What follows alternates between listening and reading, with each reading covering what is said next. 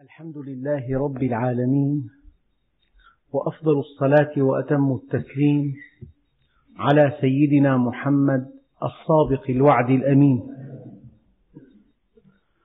اللهم لا علم لنا إلا ما علمتنا إنك أنت العليم الحكيم. اللهم علمنا ما ينفعنا وانفعنا بما علمتنا وزدنا علما. وأرنا الحق حقا وارزقنا اتباعه وأرنا الباطل باطلا وارزقنا اجتنابه واجعلنا ممن يستمعون القول فيتبعون أحسنه وأدخلنا برحمتك في عبادك الصالحين.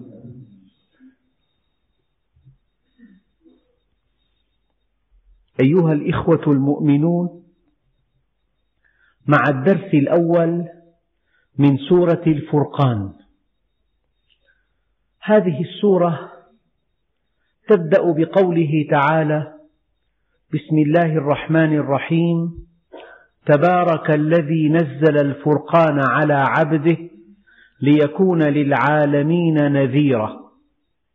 الذي له ملك السماوات والأرض ولم يتخذ ولدا ولم يكن له شريك في الملك وخلق كل شيء وقدر فقدره تقديرا.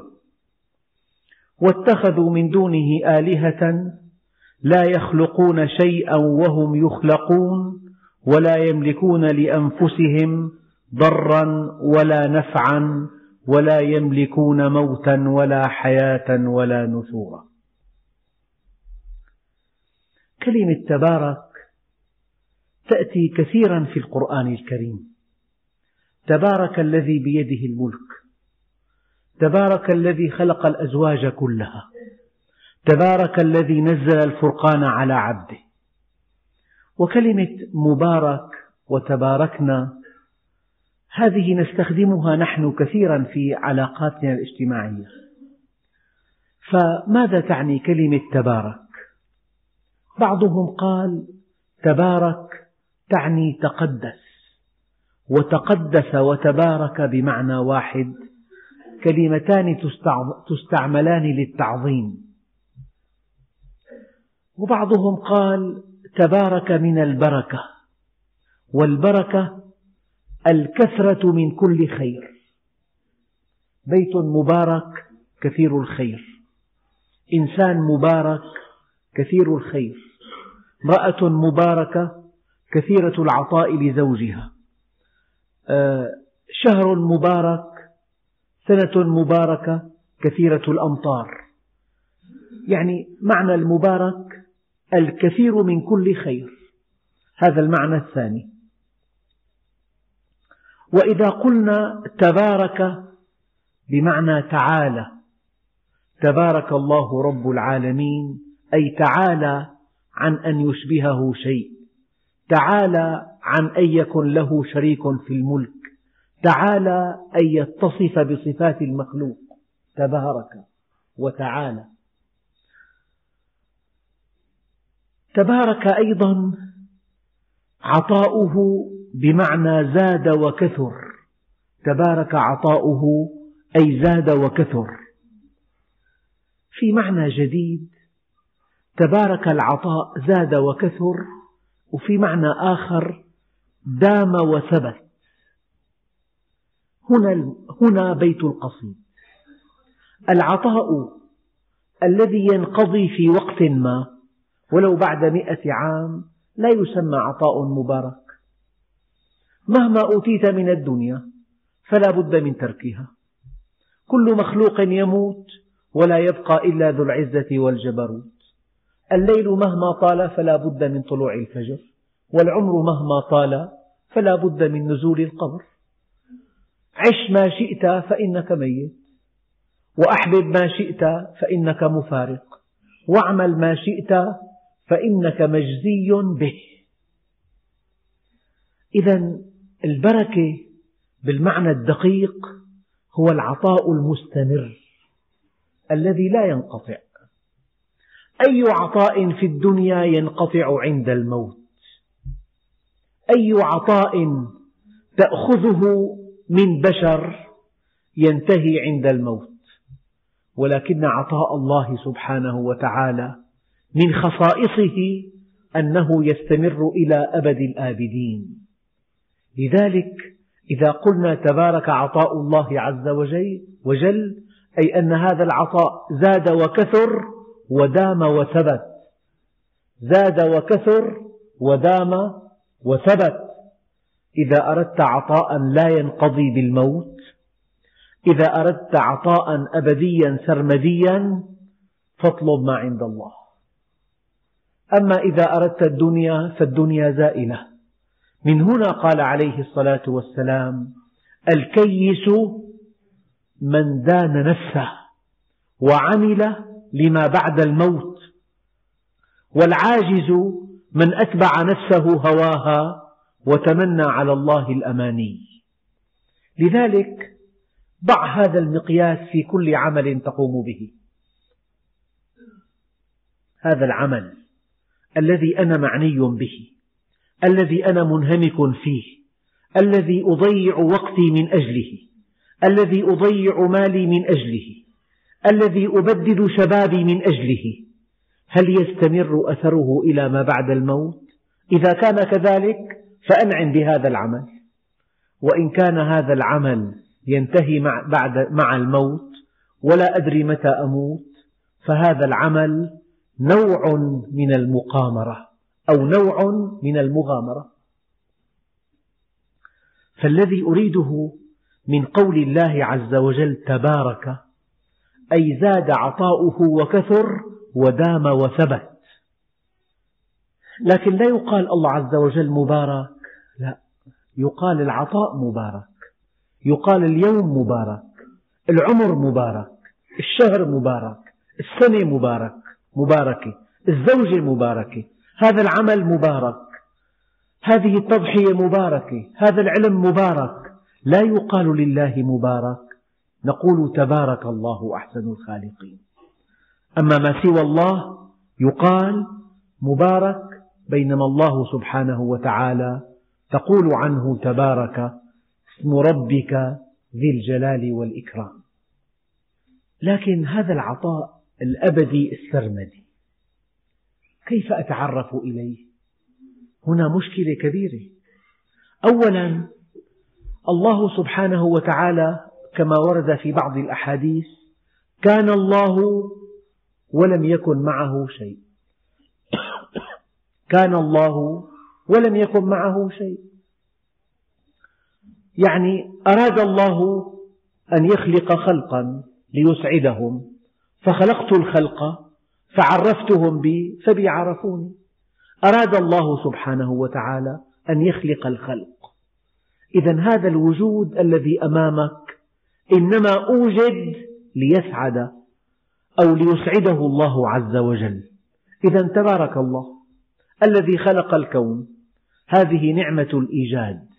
لولا أن مشيئة الله شاءت أن نكون. لم نكن لنكون.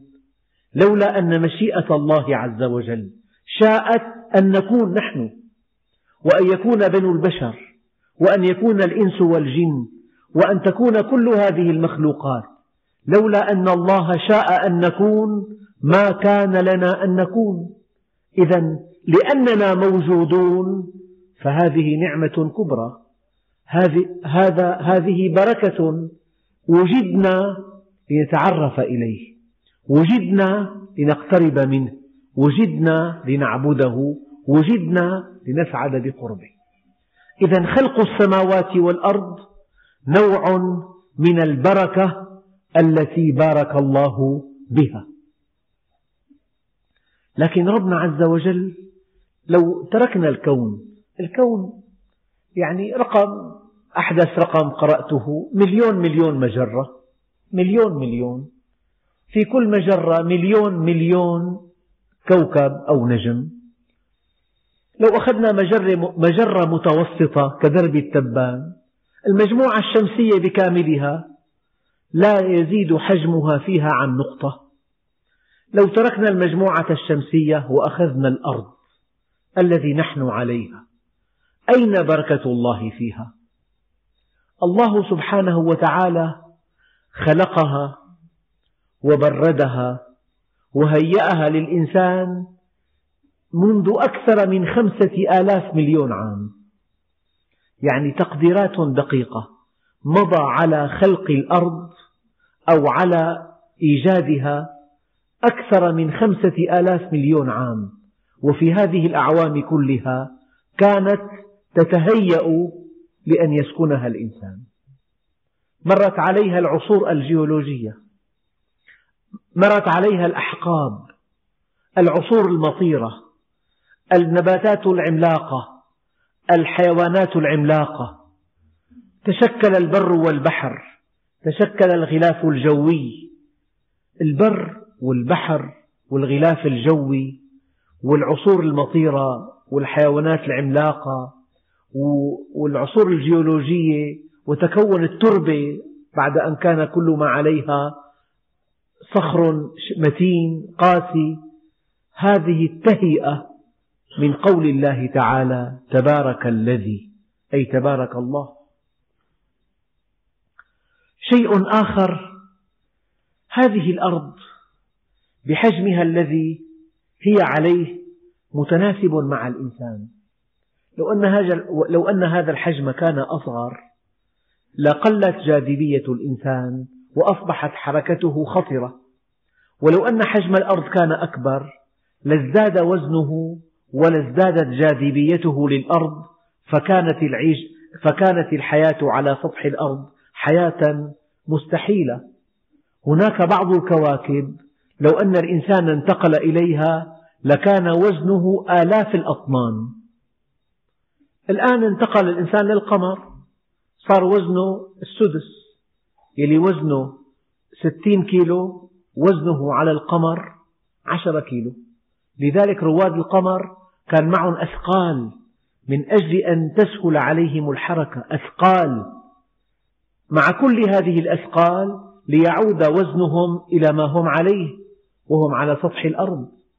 إذا حجم الأرض بعد أن هيأ الله الأرض بعصورها المديدة بهذه الخمسة آلاف مليون على تقدير بعض العلماء بعد أن مرت عليها العصور الجيولوجية والعصور المطيرة حتى والعصور التي تشكل فيها البحر المالح والعذب الفرات.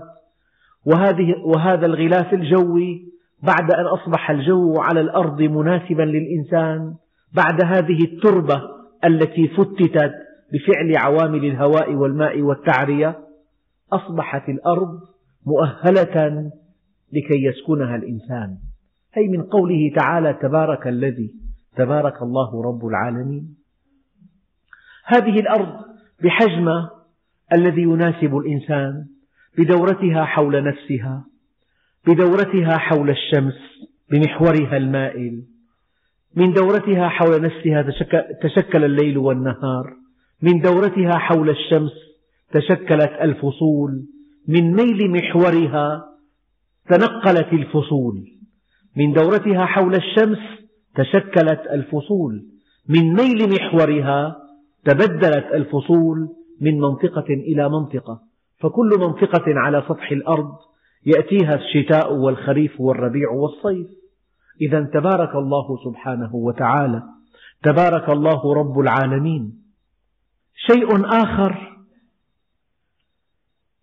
الله سبحانه وتعالى خلق الإنسان. تبارك الله خالق الإنسان خلق الإنسان في أحسن تقويم. زوده بجسم غاية في الدقة.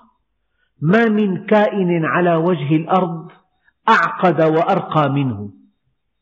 جملته العصبية تأخذ بالألباب. يعني 140 مليار خلية سمراء في الدماغ لم تعرف وظيفتها بعد.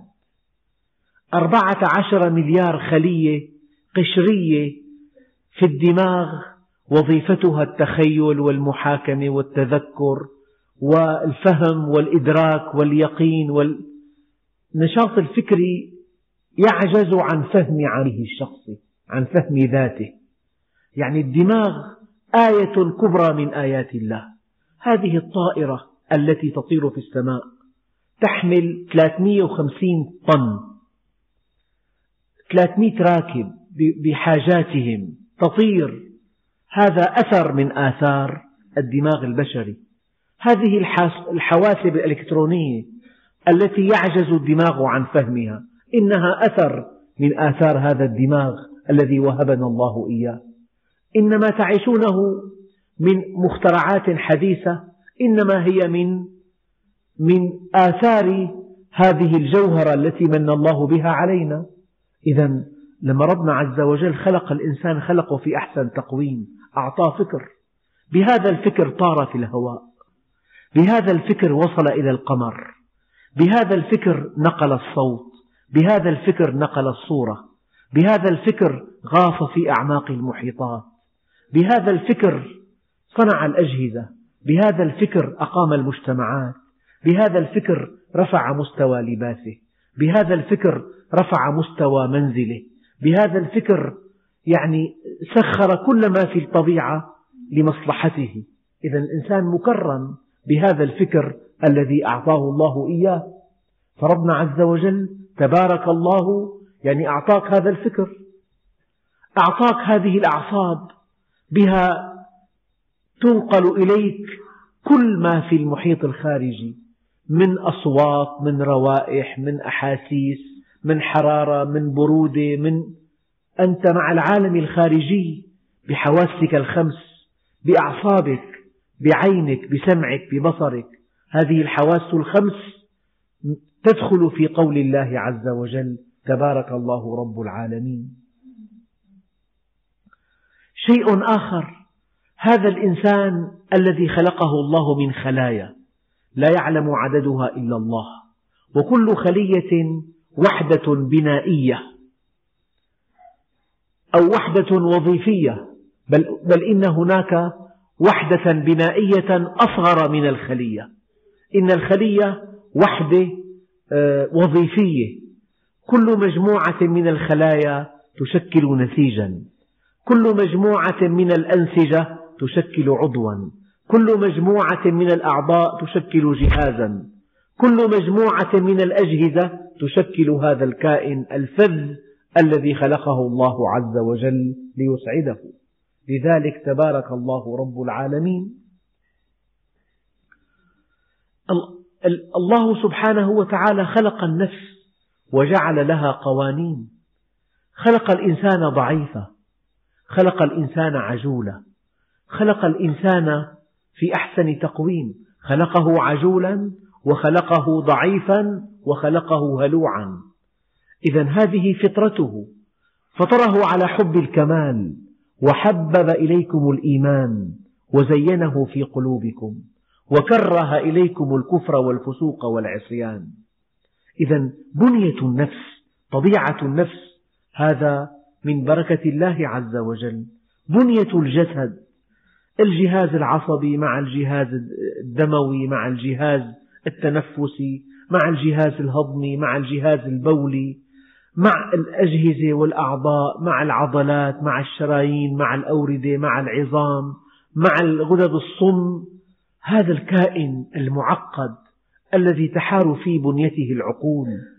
منذ أن تعلم الإنسان وحتى الآن ملايين الكتب التي تتحدث عن الإنسان. قلب الإنسان اختصاص. عين الإنسان اختصاص. أذن الإنسان اختصاص. يعني تدرس ما قاله العلماء قبل خمسمائة عام. كتب لا يعلم عددها إلا الله. كلها في العين. هذه في القلب. هذه في الكليتين. هذه في الجلد. هذه في العظام. هذه في العضلات. فإذا, قلنا فإذا قال الله عز وجل تبارك الله رب العالمين فهذه من آثار بركته. خلق السماوات والأرض. خلق الأرض. حجم الأرض دورة الأرض حول نفسها حول الشمس. ما عليها من من بحار ما عليها من جبال من أنهار من بحيرات من سهول من أغوار من مرتفعات. ما عليها من تراب لحقية تراب كلسية تراب آه، رملية. أنواع التراب أنواع التضاريس أنواع المناخات. هذا كله من خلق الله عز وجل. الإنسان بنيته الجسدية بنيته النفسية بنيته العقلية. هذا العقل الذي أكرم الله به الإنسان مبدأ السببية مبدأ الغائية مبدأ عدم التناقض. الإدراك الإحساس التخيل التذكر المحاكمة. آه، هذه كلها نشاطات رائعة جدا. لولا, لولا أن الله عز وجل بارك الإنسان كيف تكون حاله؟ تصور إنسان بلا ذاكرة. لا يتعلم شيئا. أي شيء يتعلمه ينساه ما في ذاكرة. الإنسان بالذاكرة تنمو خبراته تزداد خبراته. هذا خبرته في الأعمال الصناعية هذا في الزراعة هذا في التجارة هذا في الطب هذا بالهندسة هذا بالقانون هذا في التدريس هذا في اللغة هذا في الكيمياء في الفيزياء بالرياضيات بالفلك بالجيولوجيا. اختصاصات كلها بفضل هذه الذاكرة. لولا أن الله سبحانه وتعالى أودع فينا هذه الذاكرة ما كان للإنسان أن يتعلم. إذا شيء أعمق من ذلك محلك التجاري كله في ذاكرتك بيتك كله في ذاكرتك. تدخل عن صيدلي عندك الدواء الفلاني طلع فيه طلع بالخزانة بيتوجه نحو الطبقة الثالثة على اليمين وراء الباب في بقيان علبة واحدة متذكرها معناها الصيدلية بذاكرته موجودة. وأنت في بيتك تحتاج إلى شمعة. تعلم أنه إلى مكان بالمكان الفلاني بالمطبخ بالخزانة الفلانية بالطبقة الثالثة على اليمين مخلي شمعة أنت هون. يعني حياة الإنسان من دون ذاكرة لا تحتمل. حياة الإنسان بلا إدراك بلا محاكمة بلا تفكر بلا تأثر بلا منعكسات. المنعكسات من فضل الله عز وجل. يعني إذا الإنسان أصاب يده شيء حار يبعدها عن هذا الشيء قبل أن يفكر قبل لمح البصر. هذا من بركة الله عز وجل. إذا لما ربنا عز وجل قال تبارك تبارك الله رب العالمين. هذه تشمل الأكوان تشمل الأرض تشمل الإنسان تشمل بنيته الجسمية بنيته, بنيته العقلية. بنيته النفسية بنيته الروحية. شيء آخر الله عز وجل آه، حينما جعلك حينما جعلك إنسانا مكرما. ما معنى مكرما؟ يعني سخر لك الكون. الكون كله مسخر لك. حقيقة رهيبة جدا. من أنا؟ أنت. أنت المخلوق الأول. أنت الذي سخر الله له الكون. ما هو رد فعلك؟ سخر الله لك الكون تسخير تكريم وسخر الله لك الكون تسخير تعريف. ما هو رد الفعل عندك؟ هل عرفته؟ وهل شكرته؟ يجب أن تعرفه. كرد فعل على تسخير الكون تسخير تعريف. ويجب أن تشكره. كرد فعل على تسخير الكون تسخير التكريم. لهذا قال الله عز وجل ما يفعل الله بعذابكم إن شكرتم وآمنتم. إذا تبارك الله رب العالمين سخر لك الكون. وهذا الكون من عطائه الكون بمجراته بمذنباته بكازاراته بكواكبه بنجومه بمجموعاته بشهوبه بفضائه اللانهائي يقول لك هالمجرة هي تبعد عنا ستة عشر ألف مليون سنة ضوئية؟ رقم فكر فيه. اضرب 300 ألف كيلومتر بالثانية ما يقطعه الضوء. اضربهم بستين بدقيقة. ضرب ستين بساعة. ضرب أربعة وعشرين باليوم. ضرب ثلاثمية وخمسة وستين بالسنة. يعني ثلاثمئة ألف ضرب ستين ضرب ستين ضرب أربعة وعشرين ضرب ثلاثمية وخمسة وستين ألف. هذا ما يقطعه الضوء في السنة. ضرب ستة عشر ألف مليون. أي مجرة تبعد عنا. ستة عشر ألف مليون. يعني أرقام لك أرقام فلكية. تبارك الله رب العالمين. الكون كله من أجلك.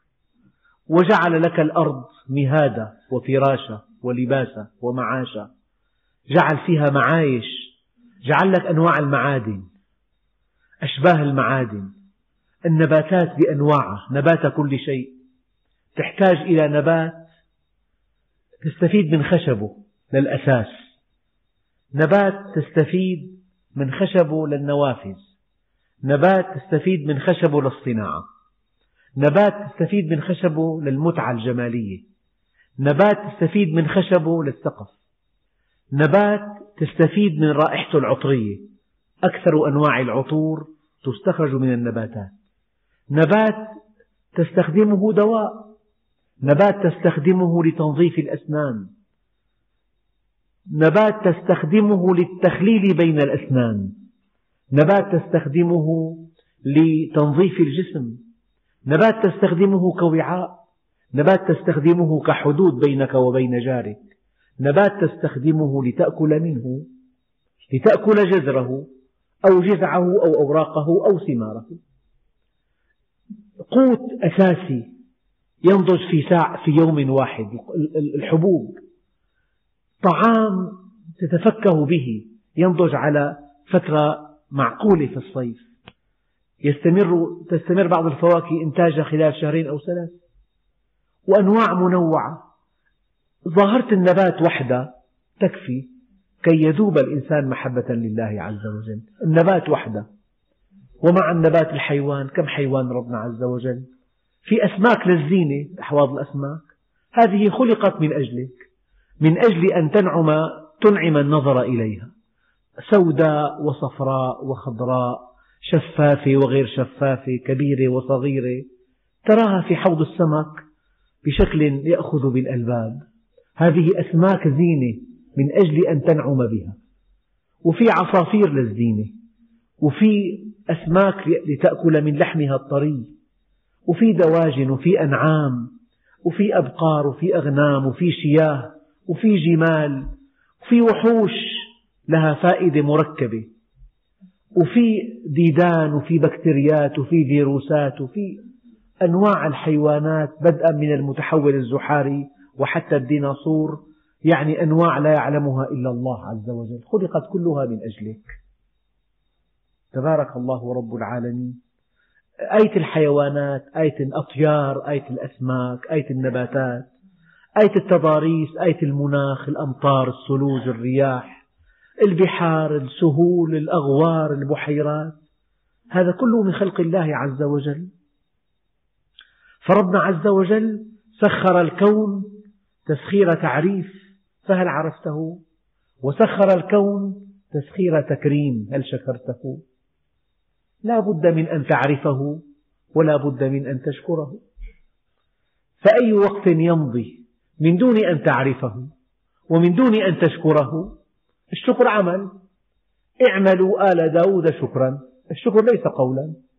إذا من هنا قال عليه الصلاة والسلام لا بورك لي في يوم لا أزداد فيه من الله علما. هي أن تعرفه. ولا بورك لي في يوم لا أزداد فيه من الله قربا بالعمل الصالح أي تشكره.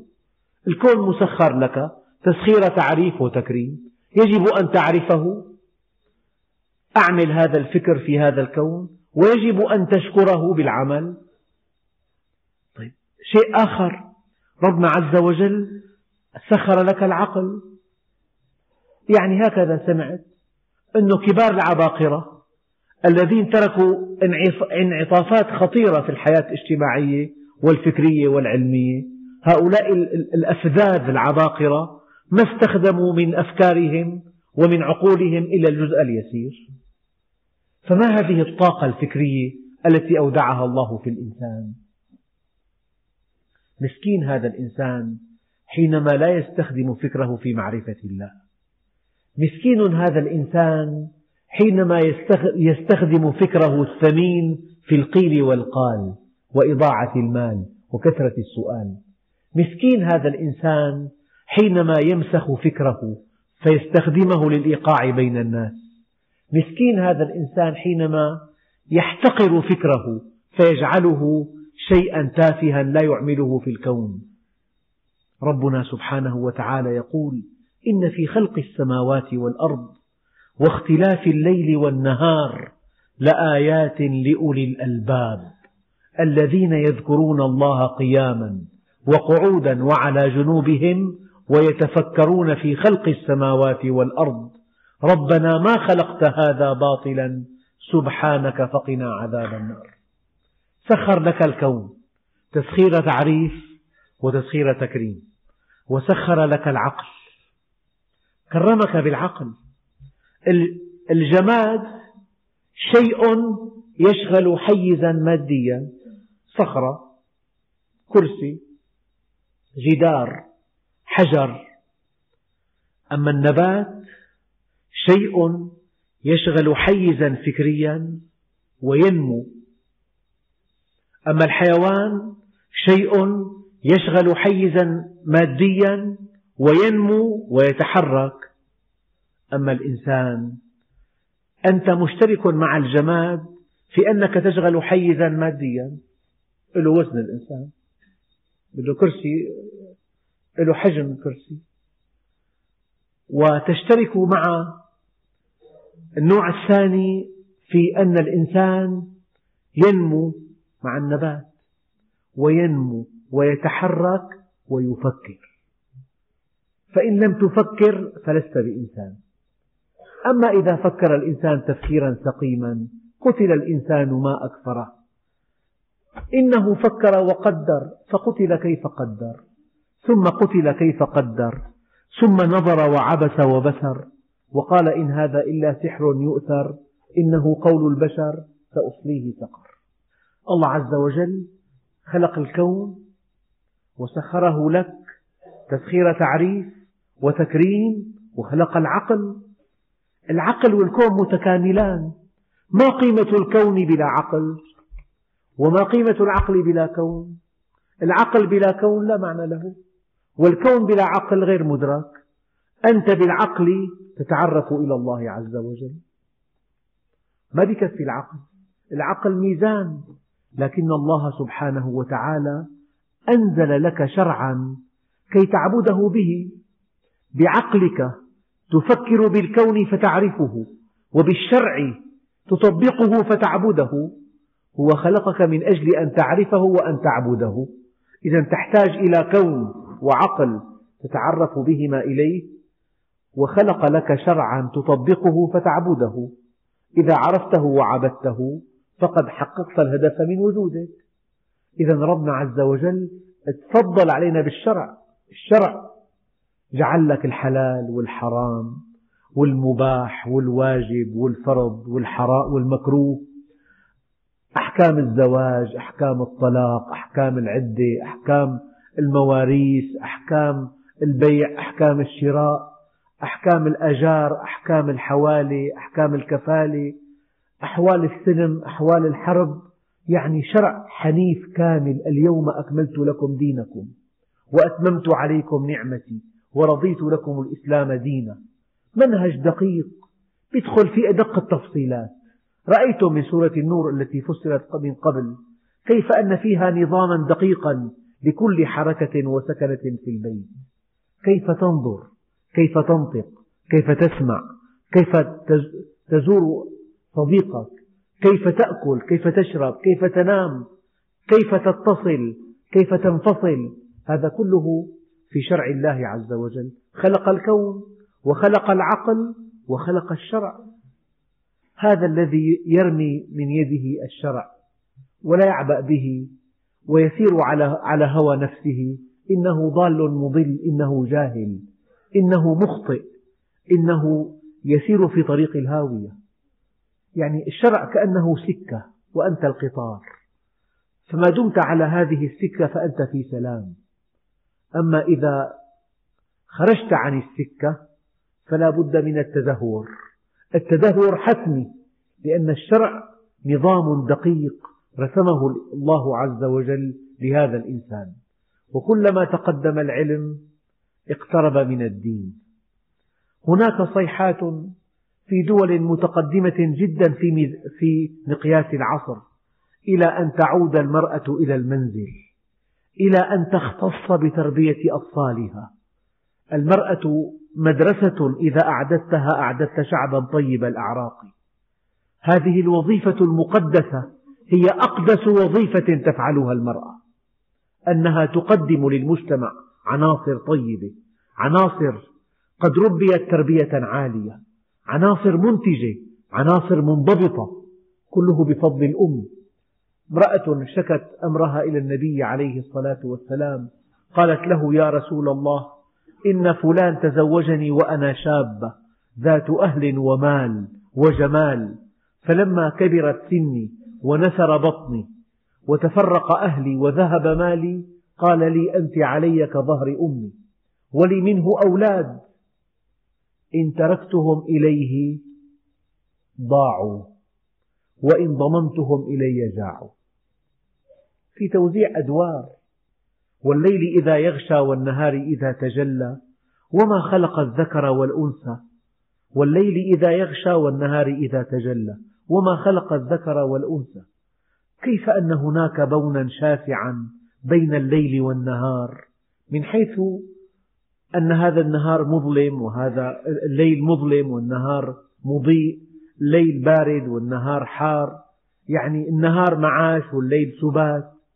وما خلق الذكر والأنثى الذكر له وظيفة والأنثى لها وظيفة. شيء آخر ربنا عز وجل سخر الكون ووهبك العقل وأنزل على النبي الشرع لتعبده. لو كان هناك عقل وهناك شرع وهناك كون لكن ما في شهوة. لا تحب النساء لا تحب المال لا تحب شيئا. كتلة لحم ودم ملقاة على الطريق ما بتشتغل. لا تعمل لا تنتج. تفعل ماذا؟ لولا أن الله سبحانه وتعالى أودع فينا الشهوات أودعها فينا لنرقى إليه. جعلك تحب المال كي تحصله وكي تنفقه. إذا حصلته ابتليت بالتحصيل هل تأخذه من, من طريق مشروع أم غير مشروع؟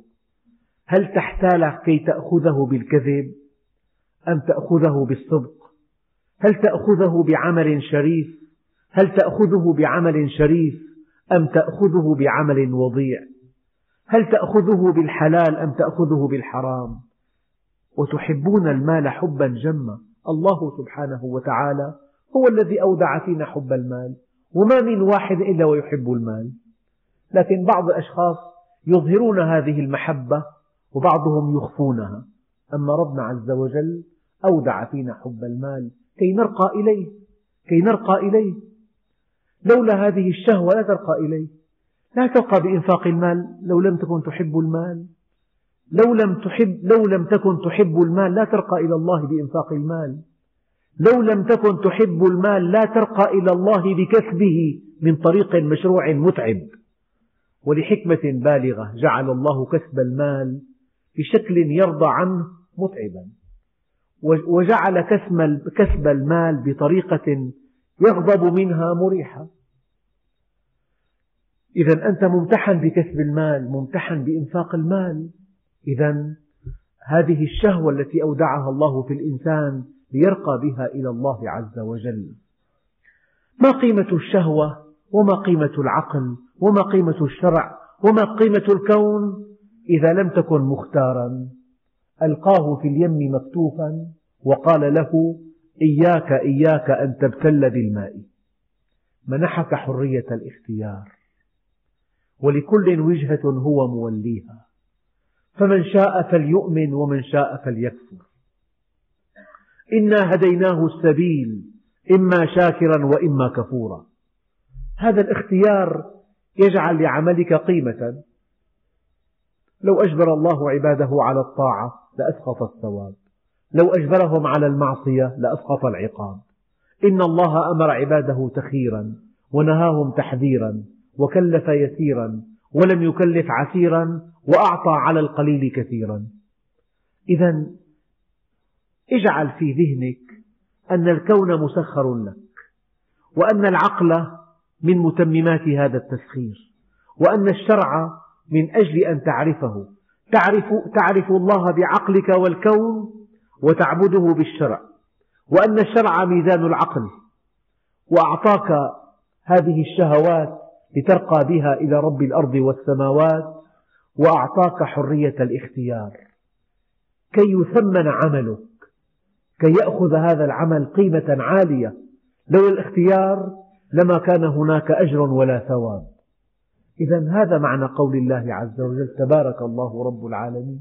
تبارك تبارك في خلق تبارك في خلق السماوات والأرض وتبارك في خلق الأرض على ما هي عليه وتبارك بخلق الإنسان. خلق الإنسان على أبدع نظام من حيث الجسم والنفس والروح والعقل. هذه بعض المعاني التي يمكن أن نتحدث عنها حينما نقول تبارك الله رب العالمين أو تبارك الذي نزل الفرقان على عبده. أذن أو محمد. شيء آخر يتعلق ببركة الله عز وجل أن الإنسان خلق بطريقة يتعلم بها. لو خلق الناس جميعا على الأرض دفعة واحدة ولدوا جميعا وماتوا جميعا. كيف يتعلمون؟ من يعلم الآخر؟ كيف يتعظون بالموت؟ خلق الناس دفعات تترى. أجيال حقب أعمار أجناس أشكال موزعين. الأب يعلم الابن والأخ الأكبر يعلم الأخ الأصغر. والجيل اللاحق يعلم الجيل السابق يعلم الجيل اللاحق. إذا طبيعة خلق الإنسان بشكل تدريجي متفاوت هذه تعلمه الشيء الكثير. توزيع الحظوظ في الأرض بين البشر هذه تعلم الشيء الكثير. تربية الله سبحانه وتعالى للناس تربية نفسية مكافأة المحسن ومعاقبة المسيء هذه تعلم الشيء الكثير. إذا طريقة حياتنا طريقة مجيئنا طريقة ذهابنا طريقة توالدنا طريقة تناسلنا طريقة الزواج طريقة التقدم في السن هذه الأطوار التي يمر بها الإنسان. لو أنه ينتهي أجله فجأة من دون تمهيدات يشيب شعره وينحني ظهره ويضعف بصره تضعف قواه يقول الله عز وجل لعبده المسلم المتقدم بالسن عبدي كبرت سنك وضعف بصرك وانحنى ظهرك فاستحي مني فأنا أستحي منك. تنبيهات لطيفة جدا. يعني ضعف البصر مع شيب الشعر مع ضعف القوة. الإنسان يشعر بأعراض جديدة كلما تقدمت به العمر. هذا تنبيه لطيف جدا من قبل الله عز وجل أن يا عبدي قد آن المجيء لعندي. اقترب اللقاء. ماذا أعددت لهذا اللقاء؟ ماذا هيأت له؟ هذا أيضا من بركة الله عز وجل. يعني مخلوقين بطريقة نستفيد منها. ربنا عز وجل الإنسان خلقه ضعيف. لو خلقه قوي لاستغنى بقوته فشقي باستغنائه. خلقه ضعيفا كي يفتقر بضعفه فيسعد بافتقاره. خلقه هلوعا. إن الإنسان خلق هلوعا. إذا مسه الشر جزوعا. وإذا مسه الخير منوعا إلا المصلين. ثم المصائب وهذا من من بركة الله عز وجل. يعني آلاف مؤلفة معظم البشر يعودون إلى الله عز وجل بالتوبة والإنابة والاستسلام والطاعة من خلال بعض المصائب. فهذه المصائب لو نعلم ما لها من فضل علينا يعني شيء لا صعب يتصور الإنسان. هذا المرض هو سبب الهداية هذا الضيق هو سبب الهداية هذا الفقر. فهي كلمة تبارك يعني الخير الكثير. الخير الكثير الثابت الدائم المستقر. يعني إذا أنت عرفت الله عز وجل أصابك الخير الثابت خطك البياني في صعود مستمر. ولا ولا يقف هذا الخط عن الصعود أبدا. وما الموت إلا نقطة على هذا الخط ويبقى الخط صاعدا إلى ما بعد الموت. هذا من فعل قلت تبارك الله رب العالمين تبارك الذي نزل الفرقان على عبده. كلمة تبارك يعني كثرة الخير واستمراره وثباته. والكون كله أثر من بركة الله عز وجل. الكون والمجرات والأرض حجمها وبنيتها ودورتها ومحورها وفصولها ورياحها وسحابها وأمطارها وحيواناتها وخلق الإنسان وبيته الجسمية والنفسية والعقلية والاجتماعية وطريقة التعامل مع البشر وتأديب الله للبشر هذا كله يدخل ضمن قوله تعالى تبارك الذي نزل الفرقان على عبده ليكون للعالمين نذيرا. في الدرس القادم إن شاء الله تعالى نتحدث عن الفرقان وماذا تعنيه هذه الكلمة في القرآن الكريم والحمد لله رب العالمين. وأفضل الصلاة وأتم التسليم على سيدنا محمد الصادق الوعد الأمين. اللهم أغننا بالعلم وزينا بالحلم وأكرمنا بالتقوى وجملنا بالعافية وطهر قلوبنا من النفاق وأعمالنا من الرياء وألسنتنا من الكذب وأعيننا من الخيانة. فإنك تعلم خائنة الأعين وما تخفي الصدور. اللهم اجعل جمعنا هذا جمعا مباركا مرحوما واجعل تفرقنا من بعده تفرقا معصوما. ولا تجعل فينا ولا منا ولا معنا شقيا ولا محروما. وصلى الله على سيدنا محمد النبي الأمي. وعلى آله وصحبه وسلم والحمد لله رب العالمين.